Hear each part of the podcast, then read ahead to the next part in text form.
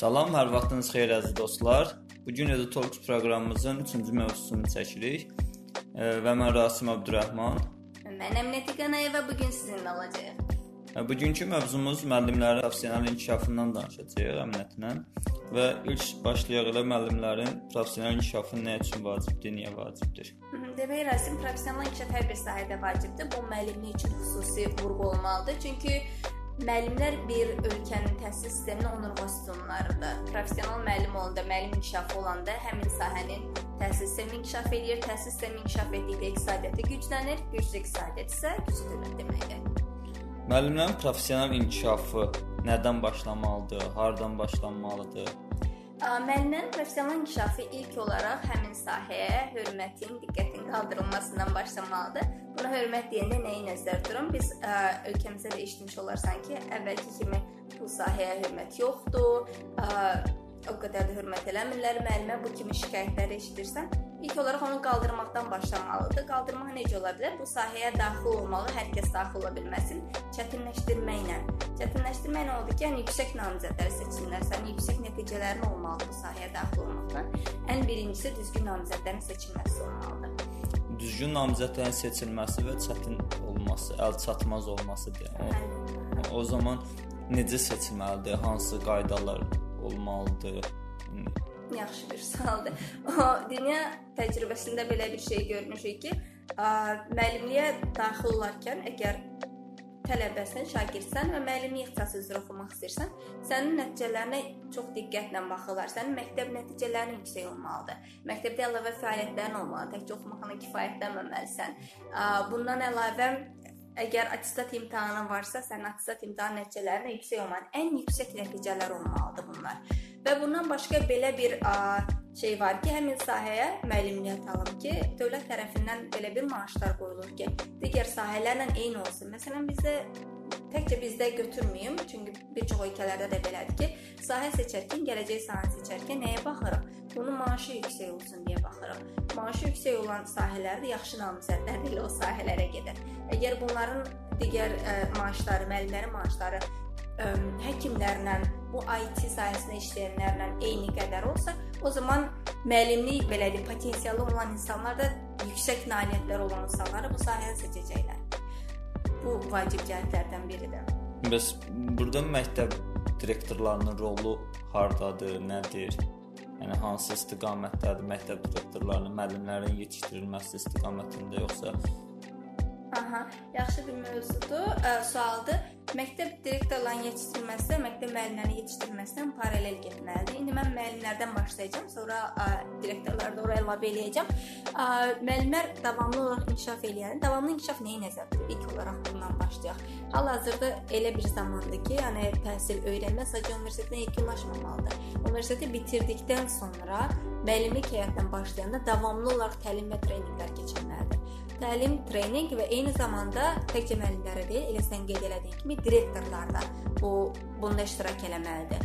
Ə, araşdırmalar da göstərir ki, əgər idarə edici sistem yaxşıdırsa, inkişaf etmiş bir sistemdirsə, ə, o zaman müəllimlərlə birlikdə işbirliyi eləyərək sistemi inkişaf elətdirirlər. Buna görə də ə, müəllimlər və direktorlar eyni formada inkişaf etdir e, olmalıdırlar. Bundan əlavə bir məqam da qeyd edeyim burada. İnkişaf etdirmək dedikdə individual fərdi olaraq inkişaf olmamalıdır. Məsələn, sən məktəb direktorusan və mən müəlliməm. Sən orada treninqlər keçirsən, mən burada keçirəm. Amma biz qarşılıqlı ə, e, ünsiyyət qurmadıqca, qarşılıqlı biz biliklərimizi paylaşmadıqca bu sistem inkişaf eləmir. Məsələn, ə, e, bu rəqabət forması da olmamalıdır. Eynisi müəllimlər üçün də doğrudur. Müəllimlər arasında fərdi inkişaf olmamalıdır. Davamlı olaraq biliklərin paylaşılmalı, paylaşılması olmalıdır. Nümunə olaraq bunu verə bilərəm ki, bir çox ölkələrdə professional learning communities deyilən bir şey var. Bu nədir? Bu odur ki, məktəbdə müəyyən saatlar təyin olunur. Həmin saat müddətində müəllimlər bir-biri ilə həm biliklərini paylaşırlar, həm də məktəbin müəyyən bir problemləri varsa, direktorun da iştirakı ilə həmin problemləri həll etməyə çalışırlar. Problem nədir, həll yolu nədir və nəticə olarsa hər kəs birlikdə qatlanır bu nəticəyə. Son qərar verici məsələn direktor öz başına qərar vermir, müəllimlərin fikrini alaraq qərar verir. Bu yaxşı bir məqamdır, çünki nəticə yaxşı olarsa bütün məktəbin performansı yuxarı qalxır və hər kəs sevinir. Nəticə pis olarsa da bir nəfərin üstünə düşmür məsuliyyət. Məsələn, A sinifində bir problem var, gəlib sənə deməyəcəklər ki, sənin nəticəndə sən pis elədin. Xeyr, sənin inkişafında mənim də rolum oldu, mən də inkişaf iştirak elədim. Bu çox vacib bir nüansdır. Bunu qeyd edim.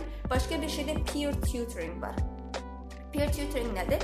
Daha yetişkin müəllimlər, daha təcrübəsi olan müəllimlər bu sahədə yeni yeni bu sahəyə atılmış ə, tələbələrə, müəllimlərə deyim, yeni müəllimlərə daimi olaraq kömək edirlər öz öyrəndiklərini öyrədirlər və yaxud da dərslərini izləyirlər, onlara feedback, bildirim, rəy bildirirlər və bu yeni müəllimlər də problemlərində ə, müəllimlərə müəllimlərə suallar verə bilirlər bu təcrübəsi olan müəllimlərə.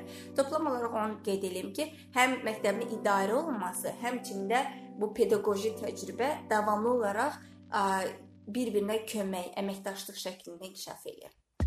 Misal rəy vermək dedik. Biz əvvəlki mövzuda müəllimlərin şagirdlərə rəy verməyindən danışdıq. İndi isə müəllimlərin özünə rəy verməkdən danışırıq. Məsələn, mən ə, e, qulaq asdığım ə, e, bir TED çıxışında ə, e, orada Bill Gates ə, Çin təcrübəsini deyirdi ki, Çin müəllimlərinin ə, tələbələrinin pizza nəticənin yüksək olmasının bir ə, səbəbi də o idi ki, gənc müəllimlər yaşlı müəllimlərin daima dərslərində otururlar orada Ondan sonra dərsdən sonra müzakirə edirlər və rəy verirlər bir-birlərinə, belə deyim.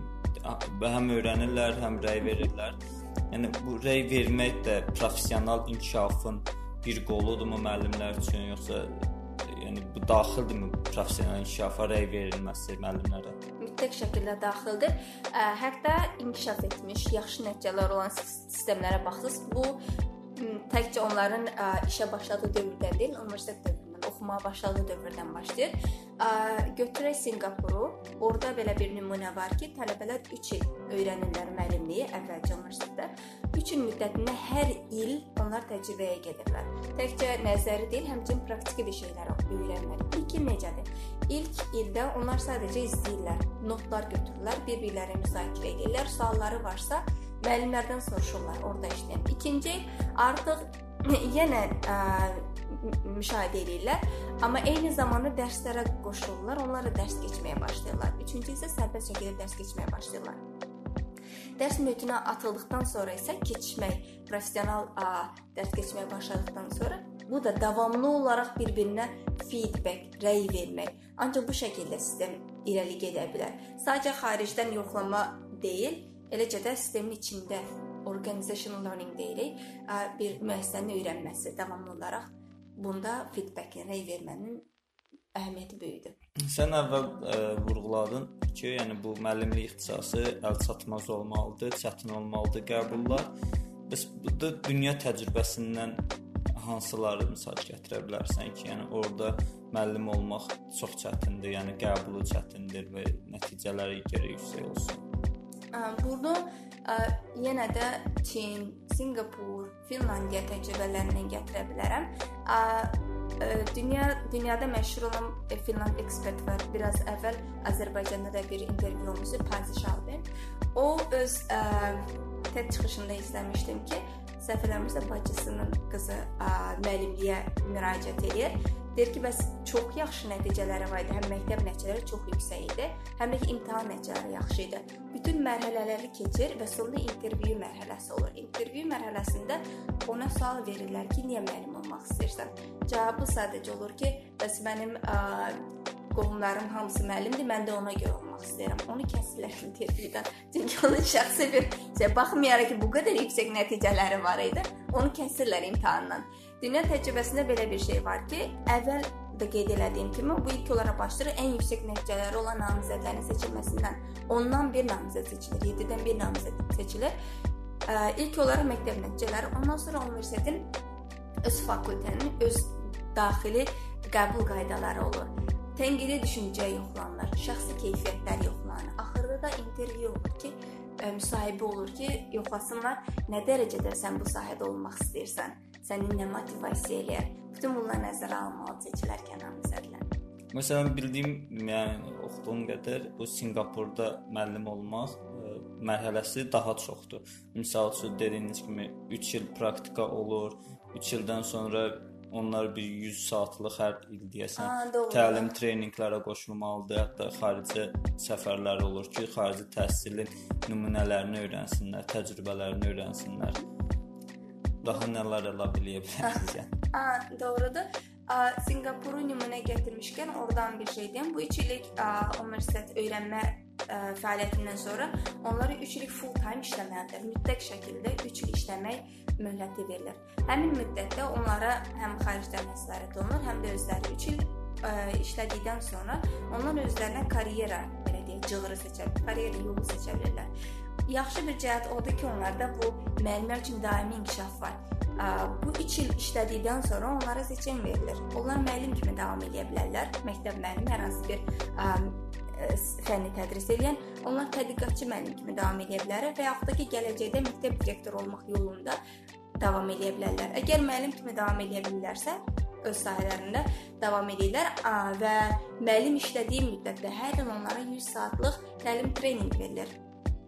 Nazirlik tərəfindən. Tədqiqatçı müəllim kimi davam etmək istəyirsinizsə, o sahəyə yönləndirirlər. Bu tədqiqatçı müəllimlərin rolu ondan ibarət olur ki, davamlı olaraq araşdırmalar apararaq həmin işlədiyi müəssisədə, məktəbdə ə, yeniliklərə yol açırlar, araşdırırlar, öyrənirlər, məktəbdəki proqramın yenilənməsinə kömək eləyirlər. Yox əgər siz ə, direktor olmaq istəyirsinizsə, gələcəkdə özünüzü o sahədə görürsinüzsə, sizi yönləndirirlər administrativ işlərə və başlayırsınız idarə edici işlərdə iş, ə, iştirak eləməyə və daimi olaraq özünüzü təkmilləşdirməyə. Ə, 100 saatlıq treninqlər bunların hamısına aiddir və illik 100 saatlıq məcburi öyrənmə saatları müəyyən olunur. Bunlara təkcə təlim seminarları daxil deyil, həmçinin nazirlik tərəfindən maliyyələşdirilmiş xarici təcrübənin öyrənilməsi aiddir. Həm direktorlar, həm də müəllimlər davamlı olaraq xaricə gedirlər, oranın təcrübəsini öyrənirlər və ölkələrinə gətirirlər və bu əla bir şeydir. Başqa bir ə, motivasiya verici bir şey dedim. Yaxşı nəticə göstərəcək göstərən müəllimlərə bonus pullar verilir. Ümumiyyətlə onlarda müəllimliyin maaşı çox yüksəkdir. Digər sahələrlə müqayisədə təxminən eyni qədər həkimlərin aldığı qədər, dedim, IT-çilərin aldığı qədər maşallah. Bundan əlavə bonuslar olur. Bu bonuslar nəyə əsasən hər il yoxlamalar keçirir, müəllimlərin yoxlaması. Təkcə test nəticələri deyil, bizdə də yoxlama müəllimlərin hər il səfərlənməmsə, hər il keçirsə bir neçə ildən bir müəllimlərin yoxlanması keçirilir.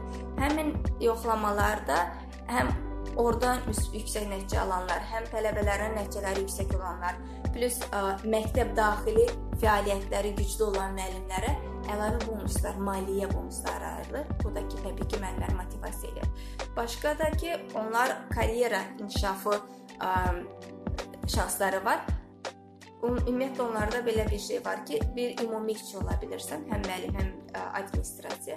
Sonra 13 mərhələ var. Buna ümumi, senior daxildir, super senior, yüksək və daha yüksək mərhələlər daxildir və buna aid olaraq da uyğun olaraq da maaşlar da qalxa bilər. Məncə motivasiya edir müəllimlər. Buna görədir ki, müəllimlər uzun müddət başladılarsa həmin sahədə qalırlar.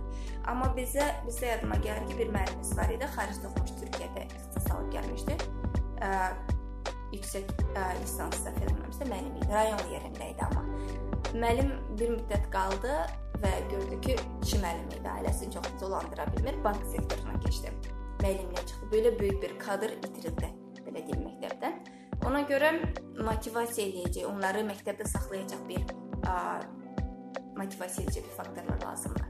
Bəs e, Finlandiyada necədir müəllim e, müəllim olmanın? Bildiyim qədər orada yalnız magistr bitirməlisən və 5 il e, 5 illik səhv eləmirəmsə ixtisas, əgər magistrın yoxdursa, ibtidai sinif və ya bağça, e, yəni ibtidai sinif deyil də, yəni aşağı yaşlı uşaqlar hazırlıq və yaxud da ondan aşağı iş, e, işləyə bilərsən də, yəni elə bir müəllim işləyə bilərsən. Düzdür, onlarda hansı öyrətmənin belə deyək, ə, təhsil müəssisəsinin hansı ə, səviyyəsindən asılı olaraq dəyişir.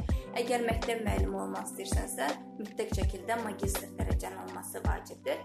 Magistr ə, boyunca da davamlı olaraq praktik işlərə cəlb olunmalısan. Ə, məsələn müəyyən bir məktəbə kurrikulumun inkişafına kömək etməlisən. Başqa bir müəssisədə ə, ümumi məktəb performansının qaldırılması üçün müəyyən bir töhfələrin olmalıdır. Ə, praktiki davamlı olaraq özlərini çalışmalısan. Çox yaxşı. Ümid edirəm ki, maraqlı bir söhbət alındı və e, faydalı bir söhbət alındı deyək.